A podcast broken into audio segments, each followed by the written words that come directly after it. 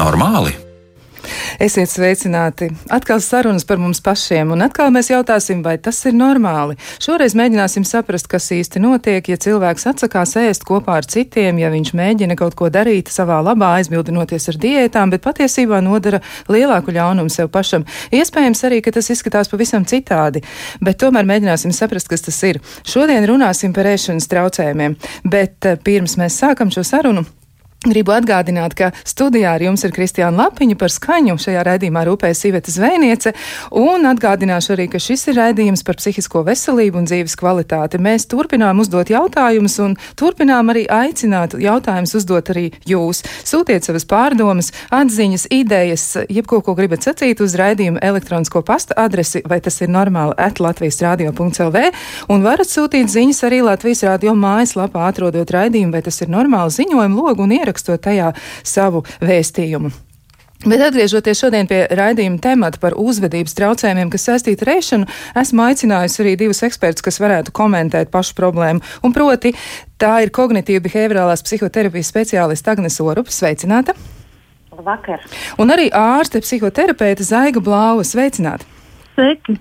Man gribētos vispirms apjautāties par to, kā tad īsti ir, kādi vispār ir uzvedības traucējumi, kas ir saistīti ar ēšanu, un šo jautājumu es vispirms adresēšu e, psihoterapeitei Zaigai Blauvai. Kādi tad traucējumi ir, jo cilvēki bieži vien tiešām domā, ka anoreksija vai bulimija tie ir vienīgie, bet tie noteikti nav vienīgie. Varbūt var mēģināt īsos vārdos raksturot, kādu vispār ēšanas traucējumi ir sastopami.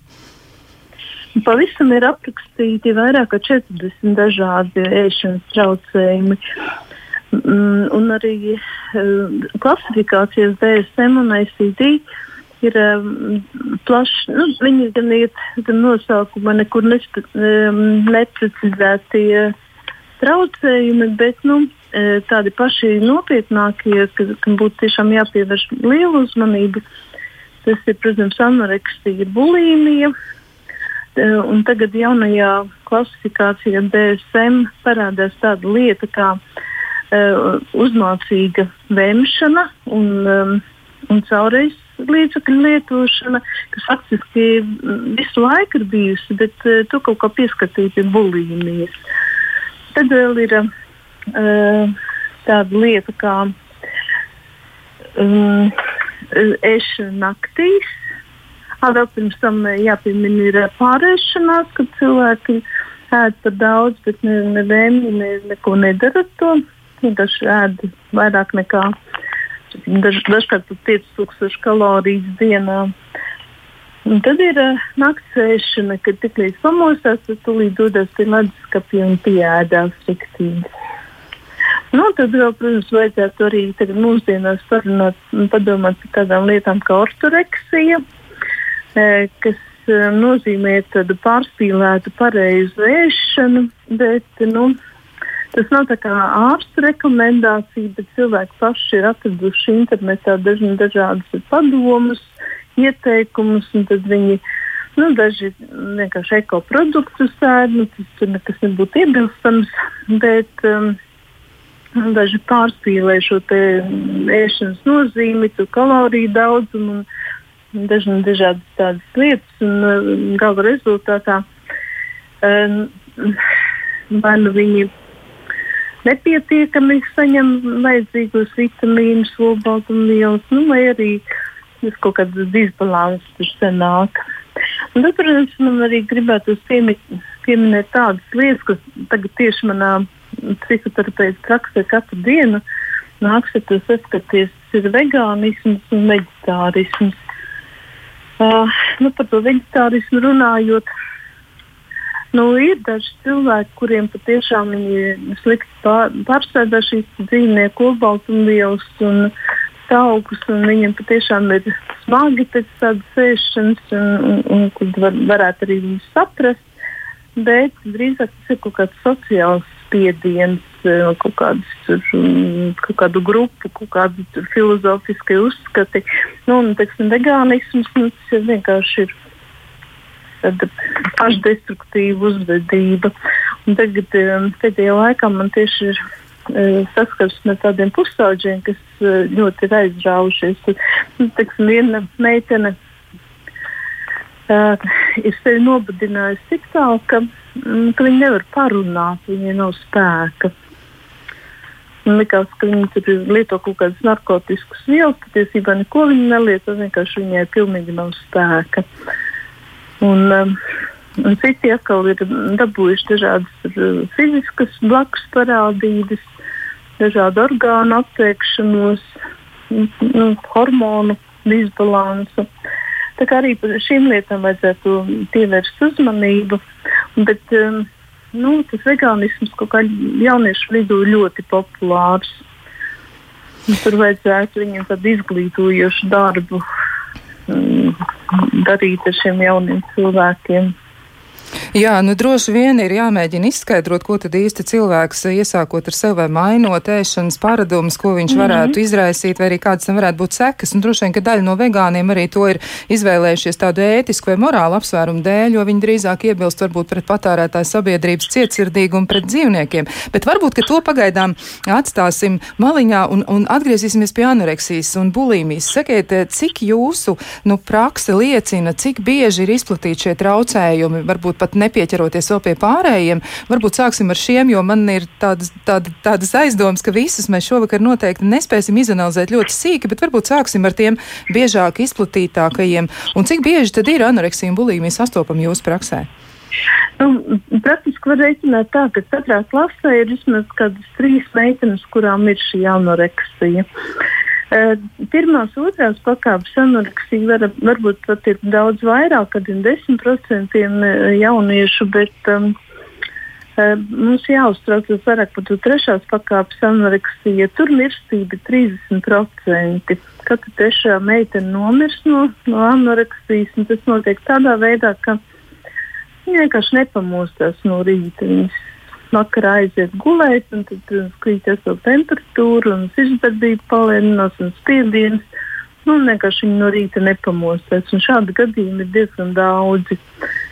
Jā, un, un tā skaitliskā attiecība zēniem un meitenēm, nu vismaz pirms kaut kādiem vairākiem gadiem bija tā, ka nu, bija tā doma, ka meitenes un jaunas sievietes vairāk cieši no anoreksijas un arī bulīmijas, un ka zēniem vai jauniem, jauniem puišiem vīriešiem tas ir sastopams relatīvi retāk. Vai tas joprojām tā ir, vai tā attiecība saglabājas?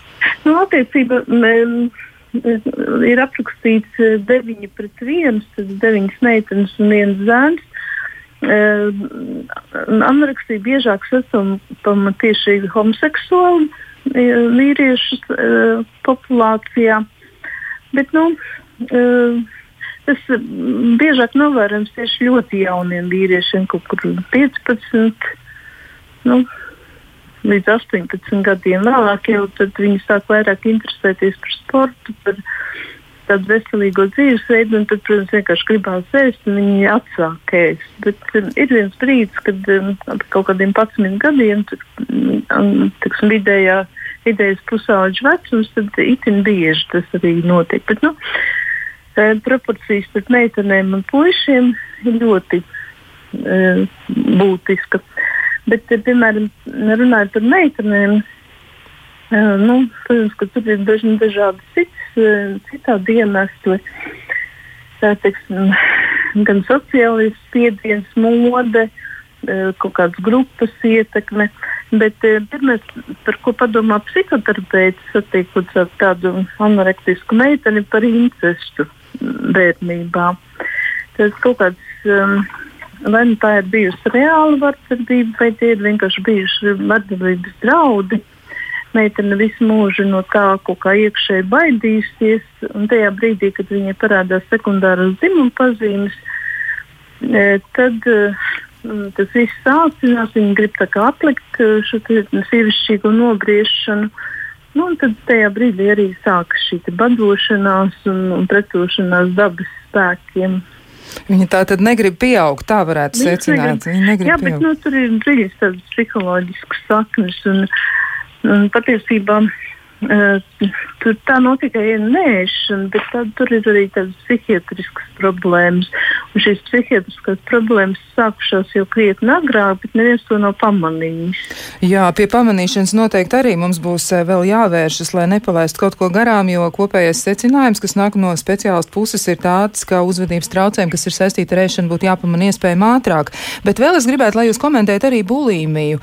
Cik bieži tad ir bulīmija sastopama? Un varbūt arī raksturojiet, ja tas ir iespējams, šobrīd tas būtu arī ļoti iederīgi anoreksijas un bulimijas atšķirības, gan svara ziņā, gan arī varbūt nu, tādu pazīmu ziņā, kas ir vērojams vienā un otrā gadījumā.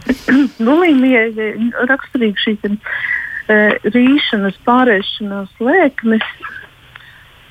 Un uh, paralēli bulimijai tam bērnam ir novērot arī citi paš, pašdestruktīvi traucējumi. Piemēram, um, tā ir graizīšanās, kad um, ar žilotēm vai kaut kādiem asiem priekšmetiem savaino ādu, veido kaut kādus ornamentus, zāģis, dedzina cigaretes pret tādu.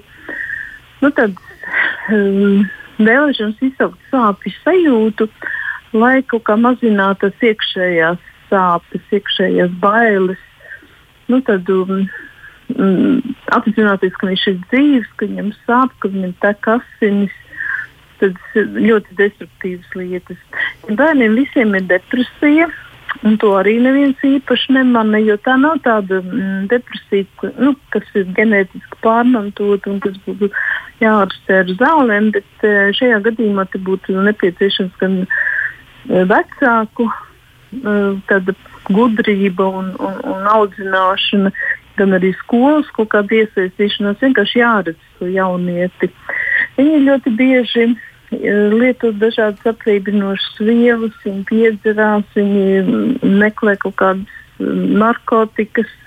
Sākumā tas ir vieglās narkotikas, uzpīpēt kaut kādu zāli, bet īstenībā mm, drīz viņi var nonākt arī pie smagām narkotikām. Tāpēc šāds bērns vienkārši jāredz, jā, jāredz, ka viņam ir slikti, ka viņam sāp, nu, jāved pie ārsta jāiet visai ģimenei. Pieešanas traucējumiem nepietiks, ka bērns ir, jāiet ar visai ģimenei. Tas notiek tā, ka bērnam ir savas sesijas, un paralēli tam vecākiem ir sesijas, un tad ir kopīgās visas ģimenes sesijas. Un tas ir pamatīgs darbs uz daudziem gadiem, jo nevienu no šīm slimībām ātri nav iespējams izārstēt.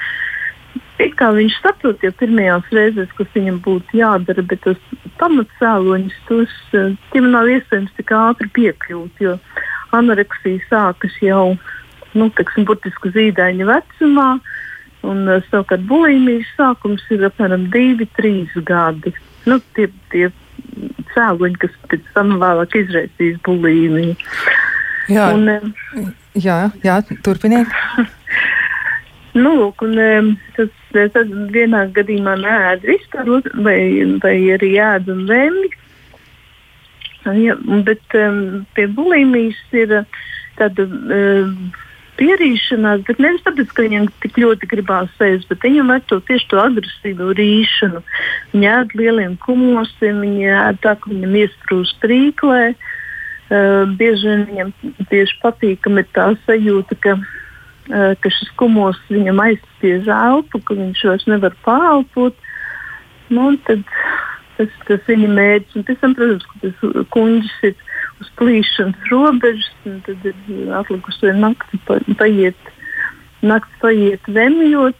Protams, ka no rīta viņš ir nekāds, uz, uz darbu, uz skolu viņš aiziet nevar. Nu, Un tad ir vēl tāda smaga bulimijas forma, kad tie, tie bērni vēmuši tik traki, ka viņi ir nokritušies arī sarā. Nu, Caurmērētas bulimijas tomēr ir druskuļi virs vidējā svāra. Bet ir arī tāda viena kategorija, kas, kas lemj tūlītās, un viņš patiešām viņam līdz bērnu traktam vispār nekas neaiziet. Un tad, protams, ir arī ka blakus parādības dažādi, nu, dažādi fiziski traucējumi, veselības problēmas, nepietiekama barība. No tā cieši vairogas dziedzers, no tā cieši um, sirds, sirds asinsvadu sistēma, kas tāpat jau pusaudzim ir ļoti labīla, un, un tā viņš arī cieši no savas distonijas. Nu, tā kā vecākiem ir ko darīt.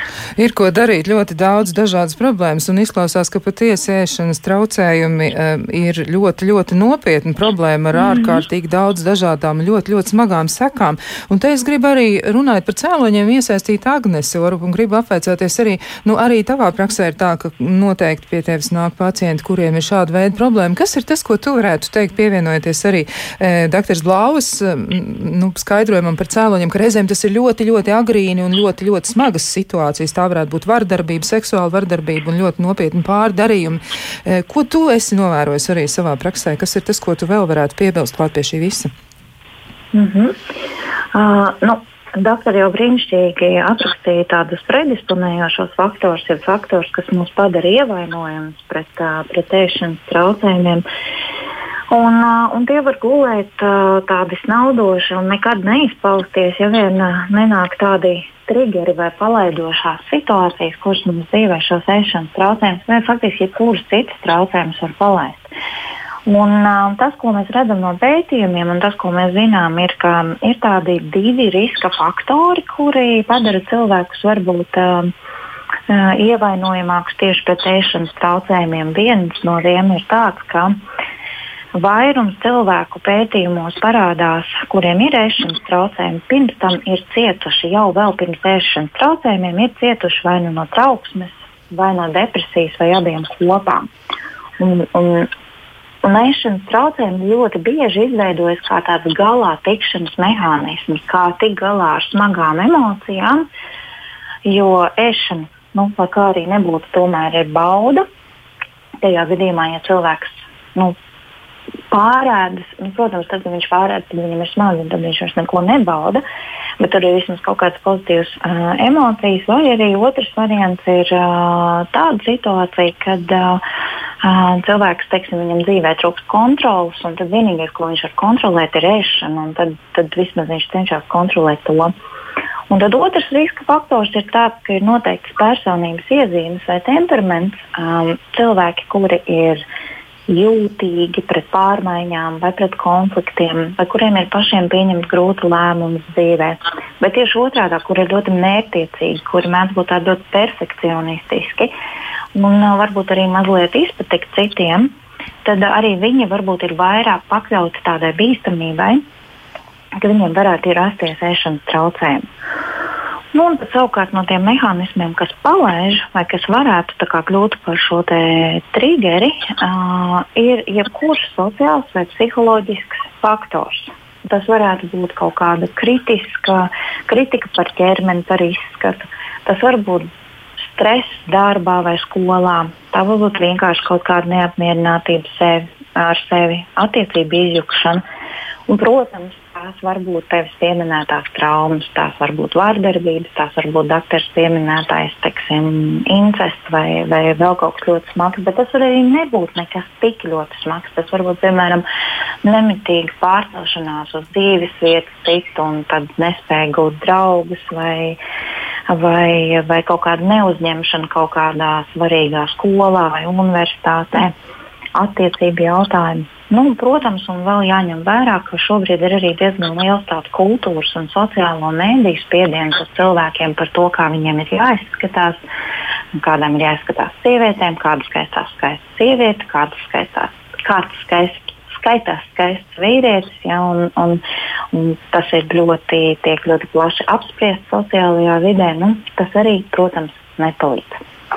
Jā, un kā tev izskatās, vai, piemēram, sociālais spiediens, nu, ko arī pieminēja doktor Blau, vai tas varētu aktivizēt, jo es atradu arī veselu lērumu mītu par anoreksiju un arī anoreksijas eh, reālo gaitu, un, un eh, viens no tādiem mītiem ir, piemēram, šāds, ka, ja pacients apzinās savu problēmu, atklāt runā, ka slimo ar anoreksiju saprātīgi spriež, ka pats ir sevi novedis, tā teikt, līdz šim te, un raksta blogā, kā cīnās, raud un, un no sirds pārdzīvo, tad jau viņš ir ceļā uz atvesaļošanos, un izrādās, ka tā tas nemaz nav, jo ir zinām, zināms arī, kā piemēram, nu, tas tāds, man liekas, ļoti iezīmīgs stāsts, ka daudzas modelis, kas ir piedalījušās anoreksijas apkarošanas kampaņās un dažādos sarunu šovos un rakstījušas grāmatas, pēc kāda laika, diemžēl, ir gājušas bojā no anoreksijas, jo turpināja neuzņemt barību. Un viens no tādiem bēdīgi slaveniem piemēriem ir Izabela Karoli, kura 25 gadu vecumā, mm, man liekas, vai pat, nē, mazliet vēlāk, 28 gadu vecumā viņa gāja bojā, viņa nomira, un tajā brīdī viņas svars bija tikai 28 kg.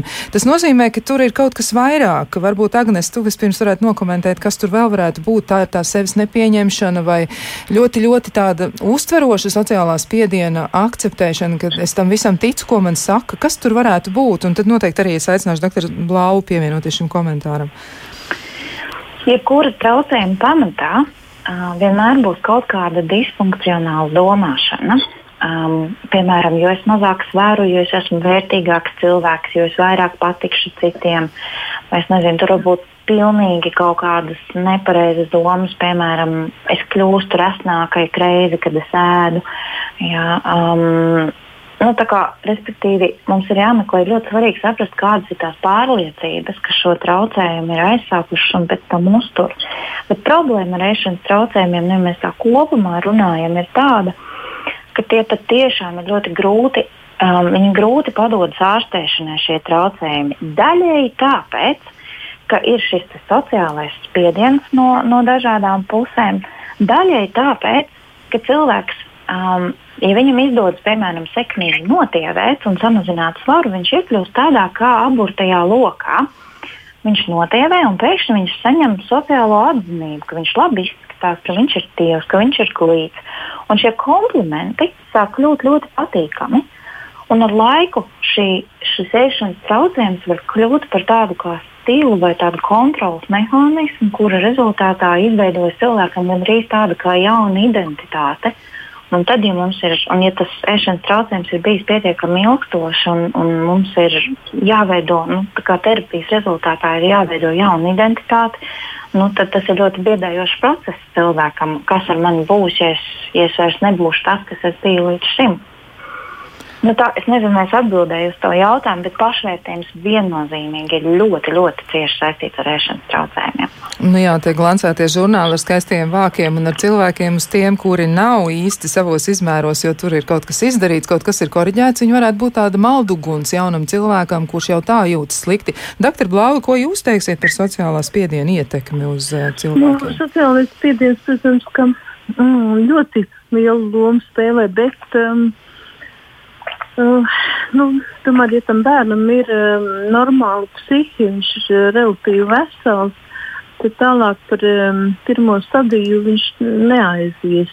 Nu, viņš kaut ko kontrolēs, kaut ko neēdīs, no kaut kā atseiksies, bet tā būs pirmā stadija, un tas nu, tādu būtisku kaitējumu nedarīs. Bet, diemžēl, mm, tad, protams, ir katram cilvēkam individuāli. Uh, uh, ir smagāki personības traucējumi, kā robežu stāvokļa personības traucējumi un psihofiski personības traucējumi. Nu, tam nav nekāda sakara ar schizofrēniju vai, vai bipolāriem traucējumiem, bet um, vienkārši psihi ir ļoti primitīva, ļoti vienkāršota un līdz ar to. Tad, tā viņa spēja uztvert realitāti un savu identitāti ir eh, ļoti mainītas. Un, eh, kas vēl ir raksts, nu, es tiešām ļoti sen strādāju ar eh, šādiem bērniem, nu, tas ir drīz vairāk kā 40 gadi. Un, uh, vienmēr es saskaros šajos smagajos gadījumos, saskaros ar to, ka mātēm ir līdzīgas problēmas mātes eh, atbalsta šo meitas anoreksiju. Viņa uzskata, ka meita ir skaista, viss ar viņu ir kārtībā, ka mm, nekas traks nav noticis, viņa arī maz ēd. Un tā arī bieži vien ir. Viņas ir ļoti tīras šīs sievietes. Piemēram, mm, tiksim, viena sieviete um, varēja palikt stāvoklī tikai pēc tam, kad viņa lietoja hormonu terapiju. Viņa uzskatīja, ka tā hormonu terapija ir, lai izsargātas no grūtniecības, tad patiesībā tas palīdzēja viņiem noturēt to grūtniecību. Nu, tāds gadījums ir neskaitāms atrast. Tā kā, mm, teksim, cilvēka psihi vērtē pēc um, identitāte, realitātes uztvere un aizsardzības mehānismi. Tie ir galvenie kriteriji, pēc kā mēs spriežam, kādā stāvoklī viņš funkcionē. Nu, tad tiem smagajiem anorektiķiem nu, tur patiešām ir psihotiskais līmenis, tur viss ir bojāts, ir primitīvas aizsardzības. Tur ir praktiski, nu, ne, es neteikšu, ka neiespējami, bet ja viņš gadiem nāk, tad, protams, ka var tur vērst par labu. Bet īstenībā tas um, anoreksijas bez sekām vispār nepāriet. Cilvēks sāk nākt kaut kādos 13 gados, tas turpinās 30, jau 30 gados, un varbūt 40 gados beidzās. Viņam ir sabojāts viss, ko var sabojāt, visi orgāni viņam ir nu, kaut kādā veidā traumēti. Nu, kā, um, ir tiešām um, jāveido tādas um, ēšanas traucējumu klīnikas, kur tos bērnus um, gan ambulatori, gan arī um, stacionāri var ārstēt. Tur vajag komandas ar psihoterapeitiem, kas gan ģimenei, gan bērnam dos um, palīdzību. Un tas darbs būs gadiem ilgs. Jā. Tas viss apmaksas nav ne jausmas. Vecāki bieži vien to nevar atļauties. Nu, Jā, tāds nelāgais aburtais lokus no finansiālā viedokļa, bet patiesi mm -hmm. pasaules praksa tāda arī ir, cik var spriest pēc eh, rietumu pasaules pieredzes un arī pēc citu kontinentu pieredzes. Tādas klīnikas, kur ārstē uzvedības traucējums, kas saistīta ar ēšanu, tiešām strādā un darbojas ļoti, ļoti labi. Bet mēs šo mm -hmm. sarunu par to, kā tad atpazīt un kā mēģināt palīdzēt, mēs noteikti turpināsim pēc īsa brīža.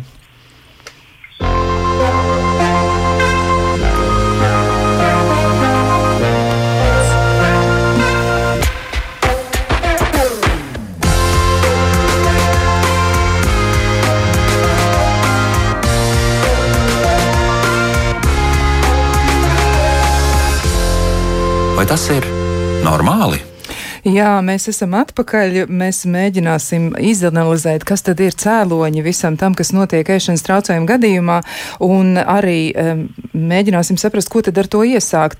Izskatās, ka man ir arī mazliet neliela tāda mm, tehniska problēma radusies Agnes Orupe, bet viņu pēc mirkļa tūliņ būs. Man sakari sakari ir uz mirkli pārtraukuši, bet eh, mēs tūliņ visu arī sakārtosim un turpināsim mūsu sarunu, domājot tieši par to, kā varētu atrisināt tieši tieši uh, to problēmu, kas ir saistīta ar atpazīšanu, un tā varētu būt pati pati grūtākā lieta. Bet pirms mēs turpinām, es noteikti gribu arī atgādināt vēl pāris lietas. Noteikti jautājiet, ja jums ir kas jautājums par ēšanas traucējumiem, un, un to jūs varat darīt rakstot gan e, e-pastā, vai tas ir normāli atlatvijas radio.lv, un noteikti arī varat sūtīt kādu ziņu ziņojumu logā, un e, mēs mēģināsim atbildēt uz jūsu jautājumu. Un vēl gribu atgādināt arī, ka dažus aktuālus temats jūs varat izpētīt, e, izmantojot podkāstus un podkāstus podkāstus jūs varat savukārt atrast Latvijas sabiedrisko mēdīju mājaslapā ar tādu pašu nosaukumu, vai tas ir normāli. Bet eh, turpinot sarunu, es gribu adresēt jautājumu doktorai Zaigai Blavai un jautāt, kā tad īsti ir, kā ir ar um, traucējumu atpazīšanu. Nu, piemēram, ja mēs atgriežamies pie anoreksijas, kā vispār var pamanīt, ka cilvēkam sākas anoreksija? Kā tas vispār varētu būt ieraugāms? Nu, vecākiem, protams, ka vajadzētu manīt, ka bērnam kaut kas ir noticis ar viņa ēšanu. Bet parasti tas ir tieši tajā periodā, kad viņš ļoti strauji aug viņš varbūt tas tiešām ir tāds neproporcionāls, varbūt tievs un garš vai, vai tāds, vai kavējās, kad apvēlīs miesās. Un, nu, bieži vien vecāki īsti nesaprot, kurā brīdī. Bet būtu jāpievērš tam ēdienu daudzumam, ko viņš apēda. Diemžēl tie jaunieši ļoti melo vecākiem. Uh, Viņi to ēdienu vai nu apēd un izlemj pēc tam, vai nu arī kaut kur slēpj. Vai arī, piemēram, viens no tādiem anorektiķu ļoti iemīļotiem paņēmieniem gatavo ēdienu. Nu, viņi uzsver torti vai sagatavo salātus, bet paši jau viņi nē, viņi sabro visu savu ģimeni. Šķietami ka viņš virtuvē gatavojot to ir jau paēdis, tad patiesībā viņš tikai noskatās, kā pārējie ēd. Tā kā nu, arī šādu lietu jāņem vērā un uh, jāatceras. Bet nu, tajā brīdī, kad meitenei pazūd mēnešu reizes, kad viņa paliek. Un viens no tādiem vizuāliem mm, kritērijiem, pēc kā var spriest, ka viņam patiešām ir smaga anoreksija. Tajā brīdī, kad jūs varat redzēt um, to mm, kaulu, kaulu un skrimšļu savienojumu vietā, vietu degunam, nu, kad pēkšņi parādās skrimšļs zem ādas, viņš ir redzams. Tas nozīmē, ka tā jau ir nopietna anoreksija. Tur ir jāskrien pie ārstiem un, un to bērnu ir jābaro. Un pēc ēšanas viņam vismaz pusstundu ir jāpaliek pie galda, sarunājoties. Vienkārši viņi nevar laist projām, ja viņš ies un izvēms visu. Nu, un tad, eh, protams, ir arī tādi um, nu, izmisuma līdzekļi. Ja bērns tiešām neko nēd, nu, tad ir tie dažādi robaltumu kokteļi, nu, ko parasti eh, lieto. Mm, nu, sportisti dažkārt lieto, ja, bet nu, mm, ir pietiekami augsta olbaltuma koncentrācija. Kā, nu, šādos gadījumos arī jo, mums ir jāglābj bērnu dzīvība. Mums jau vairs nav izvēles. Nu, tad, protams, ka vajadzētu iet um, pie ārstiem, internistiem un aps, nu, izvērtēt visu bērna fizisko stāvokli, analīzes, hormonu analīzes, um, dažādas ultraskaņas izmeklējumus. Jo, um, orgānu bojājums būs neatgriezenisks, piemēram, mūnītes, smadzenes. 16 gadīgam bērnam smadzenes var būt 60 gadīgam cilvēkam jau ar atrofijas pazīmēm. Tā kā nu, ir tiešām kompleksa ārstēšana un kompleksa glābšana. Bērns jāglābj. Jā, tā jā. Nu, nekāda pārliecība tur nelīdz, un bieži vien ir jāizšķiras par hospitalizāciju. Sākumā tas ir vienkārši slimnīca, kurā viņam um, nu, intravenozi ievadīs visas trūkstošās vielas. Un pēc tam būs psihiatrijas klīnika, kur viņš tiks speciāli ārstēts ar speciālām metodēm, tad psihoterapija un dažādi. Mm, nu, dažādas terapijas um, paņēmiens tiks pielietot. Ja, kā, un tas nebūs ātri, tas būs varbūt vairāk mēnešu, ko viņš pavadīsies klīnikās. Jā, tā tad ļoti, ļoti nopietnas komplekss darbs mm -hmm. būs ar to visu, un eh, tas, kas laikam ir jāapzinās visvairāk, tieši ir tās nopietnās sekas dažādu orgānu sistēmās, kas ir ar ļoti, ļoti tādām, nu, tās ir tālajošas, ja ilgu laiku tās var būt un arī nu, atstās visu dzīvi jo nu, dabūt bērnu pēc, pēc anoreksijas um, ir ļoti sarežģīti. Ja, ja kādreiz šī sieviete gribēs tikt pie bērna, tas nebūs viegli. Tāpat arī, smadzeņu bojājums, smadzenes šūnas uh, atjaunojas uh, lēni, ļoti pakāpeniski. Tas viņas nav, nav gluži tā kā agrāk uzskatīja, ka vispār neatjaunojas, bet nu, tomēr tas um, demence, kas tiem cilvēkiem iestājas, nu, tas nav tā vērts. Jā, bet viegli pateikt, tas nav tā vērts, bet tāpat laikā tie procesi, kas ir aizveduši līdz tam, ka ēšanas traucējumi ir sākušies, tie laikam ir ļoti, ļoti nozīmīgi. Man arī Agnesē gribās jautāt um, to pašu gandrīz, bet tomēr arī saņem precizējumu par viņas praksi un pieredzi, kas tad ir tas, kas ir mm, nu, tāds, ko tu esi novērojis, kas ir tas, ko tu esi pamanījusi, kā cilvēki paši ir atpazinuši, varbūt, ka viņiem ir ēšanas traucējumi, tomēr ir izdevies viņiem uzķert, ka kaut kas nav īsti tā kā vajag, un kas ir tas, ko viņi saka. Mm -hmm. Tā kā es pārsvarā strādāju ar pieaugušiem cilvēkiem, es tad varbūt varētu atkal vairāk par tām Jā. nozīmēm, ko pieaugušam cilvēkam vajadzētu nu, kā, būt uzmanīgam, lai viņš pats varētu pamanīt nu, kaut kā agrīnā stadijā, ja sāk veidoties ēšanas traucējums. Un tā pirmā lieta ir tāda, ka domas arvien biežāk sāk pievērsties vai nu kā iegūt ēdienu, vai arī kā no tā atbrīvoties. Respektīvi, vai nu mēs sākam domāt, kā kaut kur tikt pie kaut kādiem noteiktiem gardumiem, sākam varbūt slēpt ēdienu, izvairīties no ēšanas kaut kādās noteiktās vietās, vai vispār maltītes izlaist. Nu, vai arī sākam ēst ārkārtīgi pārspīlēti veselīgi. Hmm, tā būtu tā pirmā lieta. Tad otrā lieta ir tāda, ka ir jākļūst uzmanīgam tad, ja mēs ēdienu sākam izmantot kā vienīgo veidu, kā sevi apbalvot vai reizēm arī sodīt. Tas nenozīmē, ka tagad nedrīkst, es nezinu, pēc labi padarīta darba kādreiz uzsaukt savai ģimenei kūku vai kaut ko garšīgu, bet ja tas sāk kļūt pārspīlēti par vienīgo veidu, kā mēs sevi apbalvojam, vai tieši otrādi mēs, um, mēs sev liedzam kaut kādu ēdienu, tāpēc, ka lūk, mēs esam bijuši slikti, tad tā ir jau pazīme, no kuras ir jāuzmanās. Um, jāuzmanās arī tad, ja mēs jūtam, ka vispār ēdiens sāk kļūt par tādu galveno prioritāti dzīvē. Kad mēs sākam dzīvi, mēs nevis ēdam, lai dzīvotu, bet dzīvojam, lai, lai ēstu. Kad mēs sākam pakārtot visu ēšanai, teiksim, nezinu, kavējam darbu, jo mums ir kaut kā ļoti precīzi un pareizi jāpēd. Vai, vai tas sāk aizņemt ārkārtīgi daudz laika, tas sāk ciest citas sfēras, un tās sfēras, kuras parasti sāk ciest, ir attiecības, ja mēs sākam ļoti agresīvi rēģēt, ka mums iespējams pat kāds jau sāk aizrādīt, klausies ar tā vēšanu, kaut kas nav kārtībā. Un vēl viena tāda būtiska pazīme, ka mēs sākam kaut ko slēpt. Ja mēs sākam nestāstīt cilvēkiem, ko mēs darām, vai kaut kā paslapeni ēst, nezinu, vienatnē, lai mūs neredzētu, vai nevarētu novērot citi, mēs faktiski zinām, ka mēs jau darām kaut ko, par ko citi cilvēki varētu mm, nu, neatsaukties tik pozitīvi, tā ir arī tāda problēma. Nu, jā, un, un, un ja sāk skanēt galvā tāda balsiņa, es nedomāju, kā balsis, bet nu, ja mums, teiksim, mūsu iekšējās pārliecības sāk diktēt, nu, ka mums vajadzētu ēst vai tā vai citādāk, un mēs faktiski gandrīz nespējam pretoties šāda teikšana, nē, šai iekšējai balsī izraisa milzīgu trauksmi vai nomāktību, nu, tad tā arī ir viena no pazīmēm, ka droši vien ka būtu labi aprunāties ar speciālistu tajā brīdī un saprast, vai šis ir ok, kas ar mani notiek, vai tomēr nu, vajadzētu parūpēties par sevi šajā mirklī.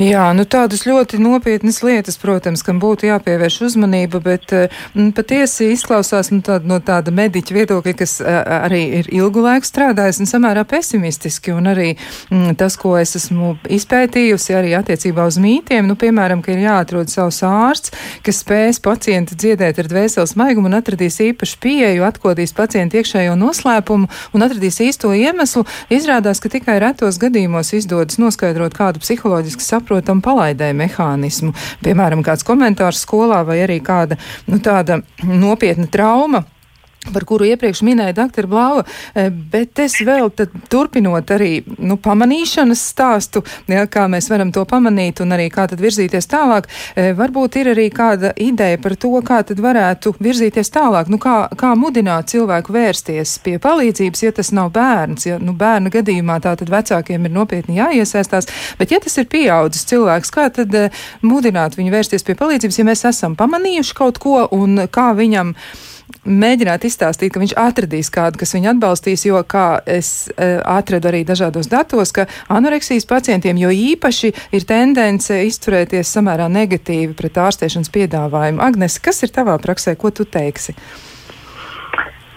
Nu, droši vien jau, ka nu, ja mēs kā tuvinieki redzam, ka mūsu kādam mīļam cilvēkam ir, ir, ir, ir, ir sāpes sācis veidoties ēšanas traucējums vai, vai katrā ziņā parādās pazīmes, es domāju, nav jau droši vien nekā cita.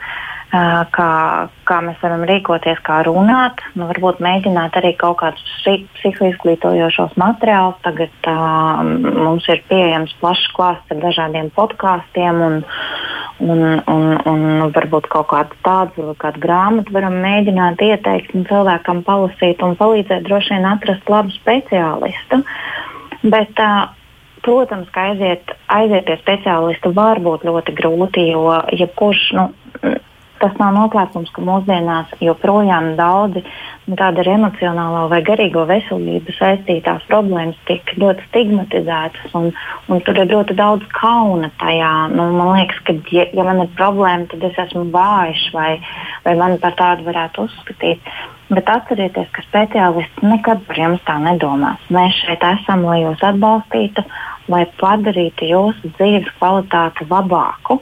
Mēs darīsim visu, kas ir mūsu spēkos, lai, lai jūs varētu justies labāk. Jā, tas ir ļoti, ļoti svarīgi droši vien arī tiem cilvēkiem, kuri klausās šo raidījumu, jo īpaši tiem, kuriem ir problēma, kas viņuprāt varētu arī tikt adresēta ēšanas traucējumiem, noteikti tie vārdi uzmundrina šos cilvēkus, neskatoties uz to, ka tā ir ļoti, ļoti grūti atpazīstama lieta.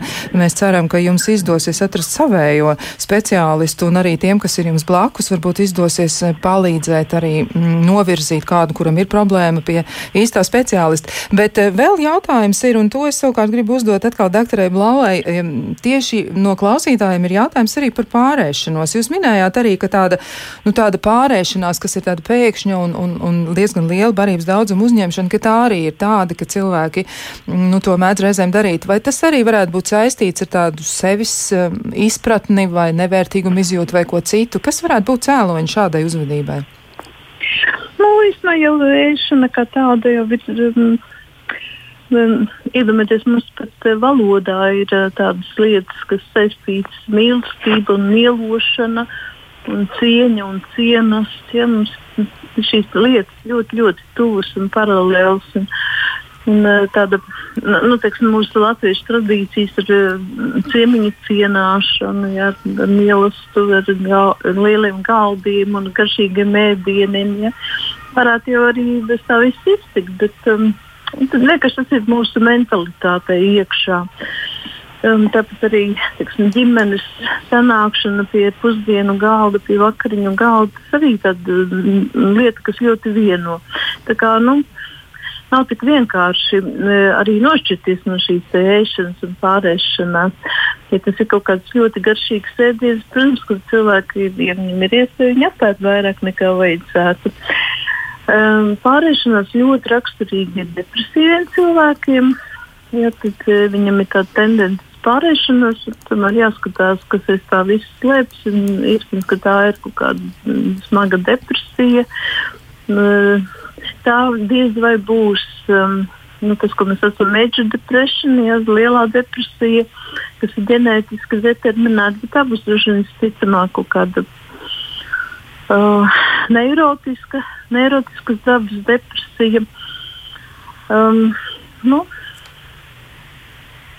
Pārēšanās lēkmes, um, tad, kad ir ļoti slikti, kaut kāds liels neveiksms, kaut kāda liela frustrācija, um, neveiksmes attiecībās, um, vecuma tuvošanās, eksistenciālas lietas, vilšanās. Atnešana rokas sev, piemēram, karjeras veidošanā vai attiecību veidošanā, nu, tad ļoti bieži cilvēks tur mm, cienā sevi ar visādiem gadumiem, un gala rezultātā viņš nonāk pie liekā svara. Tāpat arī mums jāatceras, um, ka pēc gadiem, kaut kādiem 35, tiešām hormonu sistēma ļoti mainās. Nevar vairs teikt, tā, kā tas bija jaunībā. Tur arī jāsāk kontrolēt to apēstā, uh, ap, apēstās pārtikas daudzumu. Tā kā Jā. nu, ir tādas. Um, Ir tādas, protams, metodas, kognitīvas behaviorālās metodas, kad, piemēram, liek cilvēkam kā, kā apēst, tad izspļaut to kumos, tad atkal vēlreiz viņu apēst, un tad rodas pretīgums, saversija pret to visu, un tad viņš tā kā negrib vairāk. Nu, katrā ziņā tā nav tā kaitīgākā lieta. Tas, ka viņi neuzņem varību, tas ir daudz bīstamāk nekā, ka viņš ir par daudz pārēdās. Jā, nu, varības neuzņemšana tiešām ir ar katastrofālām sekām. Mm -hmm. Pārēšanās varbūt tiešām tik ļoti lielu postu organismam nenodara, un varbūt tas arī izskaidro profesionāļu viedokli, jeb speciālistu un iesaistīto speciālistu, arī ārstu, psihiatru, psihoterapeitu viedokli par to, ka tāds ļoti skarbs vērtējums attiecībā uz anoreksiju, ka patiesi, ja kaut ko tādu nāks redzēt, tad gribas visu vērst par labu, un laikam ir ļoti, ļoti tādas, nu, spēcīgas, reizēm pat ļoti skarbas lietas, kas par to ir sakāmas un tas tiešām ir tā ļoti grūti, ļoti grūti ir to dzirdēt, un, un droši vien, ka tiem cilvēkiem, kur cieš no šiem traucējumiem, viņiem ir ļoti grūti e, dzirdēt tieši to, ka tās problēmas ir tik nopietnas. Ja, viņam e, patiesībā, ja šāds pacients atnāk terapijā, Rīsot tur īpaši nerunā par viņa problēmām ar pārēšanos. Pārēšanās viņam ir tajā brīdī, kad viņam ir dziļa frustrācija par kaut ko. Tātad vilšanās. Netiek ar to dziļa vilšanās, viņš netiek ar šo lietu galā.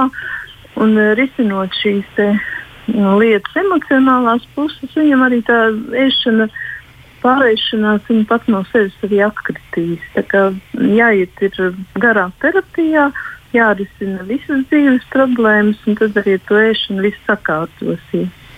Jā, nu tā tad tas noteikti būs garš process, bet par cik mums ir arī iespēja apjautāties, nu, piemēram, ko tad mēs varētu darīt eh, psihoterapijas ietveros. Varbūt jums abām divām arī ir komentārs, ko varētu darīt ar ēšanas traucējumiem, jo mēs noskaidrojam, ka anoreksija, par cik anoreksija ir tik ļoti nopietnas sekas un tā ietekmē visu organismu un sekas ir neatgriezeniskas un ir visu mūžu un, un ir ļoti nopietni cēloņi, sākot ar ļoti, ļoti smagiem pārdzīvojumiem un beidzot arī ar dažādu veidu aizskārumiem, kas cilvēkam ir jāmēģina pašam izpētīt un arī laikam iesaistot ģimeni. Bet eh, kas tad ir tas psihoterapijas virziens eh, ēšanas traucējumu gadījumā? Varbūt eh, šoreiz varētu sākt dr. Zaiga Blauva, un pēc tam varētu pievienoties arī Agnes Orupa, komentārs par terapeitisko procesu. Nu, principā varētu, jebkur no šīm metodēm varētu izmantot um, ēšanas traucējumu uh, ārstēšanai. Psihoanalītiskā terapija, viņa, protams, ir dziļa un ilgstoša. Uh, Tas nenozīmē, ka tur ir gadu desmitiem, bet nu, vismaz rēķināties ar gadiem trījiem, kad uh, šie simptomi atkritīs un vēl varbūt kādus divus gadus pa virsmu, lai tas pilnīgi nostiprinās un nekad vairs neatgrieztos. Un jo agrāk tu sāks, un jo kompleksāk būs šī ārstēšana, jo labāki rezultāti un cilvēks dzīvos laimīgu dzīvi un nekad neatgriezīsies pie šiem traucējumiem. Bet, uh, ja viņi grib tādus īsākus, īsākus kursus, tad var arī kognitīvu behaviorālu terapiju izvēlēties. Nu, bērniem varbūt tās kāda no pat mākslas terapiju vai smilšu terapiju. Tie gan ir pavisam tādi jauni bērni. Smilšu terapija vecākiem par deviņiem gadiem ļoti grūti viņus pierunāt. Ir tāda rotaļāšanos smilšu kastē, bet nu, vienalga to var arī izmantot. Nav, nav nekas pret. Jā. Nu, tad, protams, arī tādu mm, ne, ne nopietnu sportu, bet nu, tādu, tādas kustības, dejošanu, ja, kas arī palīdz uzlabot garu stāvokli. Cilvēks iet um, savā, savu vienaudžu barā un, un, un, un kaut kā tie, tie varbūt viņu pozitīvi ietekmē, iedvesmo uz to, ka vajag rūpēties par sevi. Bet, nu, principā, mm, bulimija, anoreksija nozīmē uh, atkārtot. Tas tie, bieži vien nav vienā gabalā tā terapija, ja, bet pēc kaut kāda laika atkal šis cilvēks atgriežas terapijā un atkal risina uz priekšu tos savus jautājumus. Un, un tas, tas ir mūža darbs. Tā kā no otras puses, nu, kas tur viena vai divas stundas nedēļā uh, veltīt pats sev, tas nav nekas neiespējams. Jā, bet tāda savā ziņā tāda netaisnība iznāk, vai ne, ka cilvēks, kurš ir cietis no, piemēram, pārdarījumiem, viņam pēc tam ir tik ļoti daudz jāstrādā ar sevi, lai tiktu tālāk uz priekšu, bet nu tā sanāk, bet īstenībā terapija ir kaut kas tāds ļoti, ļoti, nu, kaisīgs, varētu teikt. Absolūta uzmanība tikai vi viņam vienam, iedziļināšanās katrā, katrā jūtu niansē. Tas, tas jau nav mocības, tā terapija. Tā terapija drīzāk ir bauda. Sevis pētīšana, ceļojums pašam Jā. ar sevi sevī. Tieši tā. Jā, nu, varbūt arī Agnesei Orupai ir kas bilstams par tieši terapeitisko procesu, kā palīdzēt cilvēkiem, kuriem ir uzvedības traucējumi, kas saistīti ar ēšanu. Kas ir tas, ko tu teiksi? Mm. Es varbūt paskatīšos no kognitīvas behaviorālās terapijas viedokļa, jo tā problēma ir druskuļi apkopot, ir grūti to visu vienkopis, jo, jo ēšanas traucējumi ir tik atšķirīgi jā. ar to, ka vienam ir jāēd vairāk, jo viņš ēd par maz, otram tieši pretēji. Bet nu, tad mēs strādājam tādos trijos galvenajos virzienos. Kā jau pats nosaukums terapijai liecina, tad kognitīvā daļa ir darbs ar domāšanu. Darbs ar domāšanas kļūdām, ar nepareizām pārliecībām, ar kaut kur iegūtiem uzskatiem par to, ka Mm, nu, piemēram, par, par savu ķermeni, par, par to, kā tas izskatos, kā es patikšu citiem cilvēkiem, par sekām īstermiņa un ilgtermiņa. Ja es teiksim, tagad ēdīšu, un, un, un piemēram, anoreksijas gadījumā nu, tas ļoti vienkāršot es to stāstu, ja, bet, piemēram, ja es īstermiņā es, es, es neēdīšu un izskatīšos labi, kas ar mani notiks ilgtermiņā, ja es šo stratēģiju turpināšu. Tad otra daļa, ar ko mēs strādājam, ir emocijas. Um, jebkura traucējuma pamatā, nu tā ļoti, ļoti vispārinot, ir kaut kādas grūti izturamas um, emocijas, kaut kādas sāpes, diskomforts. Um, ēšanas traucējumiem ļoti bieži šīs uh, milzīgais kauns ir pamatā. Nu, un šīs neizturamās uh, emocijas mēs ļoti bieži izvēlamies kaut kādā veidā atbrīvoties ar ēdienu palīdzību. Uh, nu, tad tas pirmais darbiņš ir atkal apzināties vispār emocijas. Reizēm vienkārši iemācīties saprast, ko es jūtu, iemācīties regulēt emocijas citādāk nekā ar ēdienu palīdzību vai ēdienam nu, aizkavēšanu. Nu, tad uh, vārds behaviorāli savukārt ir saistīts tieši ar uzvedību, ar to, ka tiem, kam ir nepieciešams, mēs atkal strādājam pie tā, lai ieviestu regulāru ēšanu, nu, tā kā regulāras ēdienreizes. Um, novērojam paši sevi, veicam dažādus eksperimentus, lai mainītu šīs kļūdainās pārliecības un paskatītos, kā tad ir patiesībā, vai, vai tas, ko es domāju, tiešām ir arī tā, kā tā izrādās dzīvē. Uh, uh, risinam problēmas. Reizēm cilvēkiem ir, uh, reizēm cilvēkiem vienkārši nu, piemēram, nav kur paēst, un tad mēs kopīgi domājam, kur to varētu izdarīt. Nu, tā, bet vis, visam šim pa virsmu arī, protams, ir ļoti daudz tādu izglītojošu darbu, lai vispār apzinātos, jo cilvēkiem ir ļoti daudz mītu un, un, un, un, un, un nepareizu uzskatu par šo, par šo problēmu. Nu, ja es drīkstu salīdzināt nu, tā metaforiski, kas notiek terapijā, nu, tas ir apmēram tā, nu, ka cilvēkam ir vilnas džempers, un tad, kad viņam ir augsts, viņš viņu uzvelk, bet pēc kaut kāda brīdiņa tas vilnas džempers sāk kost un nav patīkami, un cilvēks velk viņu nost. Bet tad viņam atkal paliek augsts. Un tā kā viņam nav alternatīvas, viņam nav cita veida, kā tikt galā nu, ar manas pieminētajām grūtajām emocijām, viņš atkal to džemperu, kurš kož, velk virsū. Un tā tas cikls turpinās. Un tad terapijā mūsu uzdevums ir atrast jaunas apģērbs, un tā simboliski runājot, varētu teikt. Jā, ļoti laba metafora, un tā noteikti klausītājs varētu arī uzmundrināt un palīdzēt viņiem labāk saprast, ko tad īsti nozīmē terapeitiskais process, un tostarp arī uzvedības traucējumu gadījumā, kas saistīta ar ēšanu.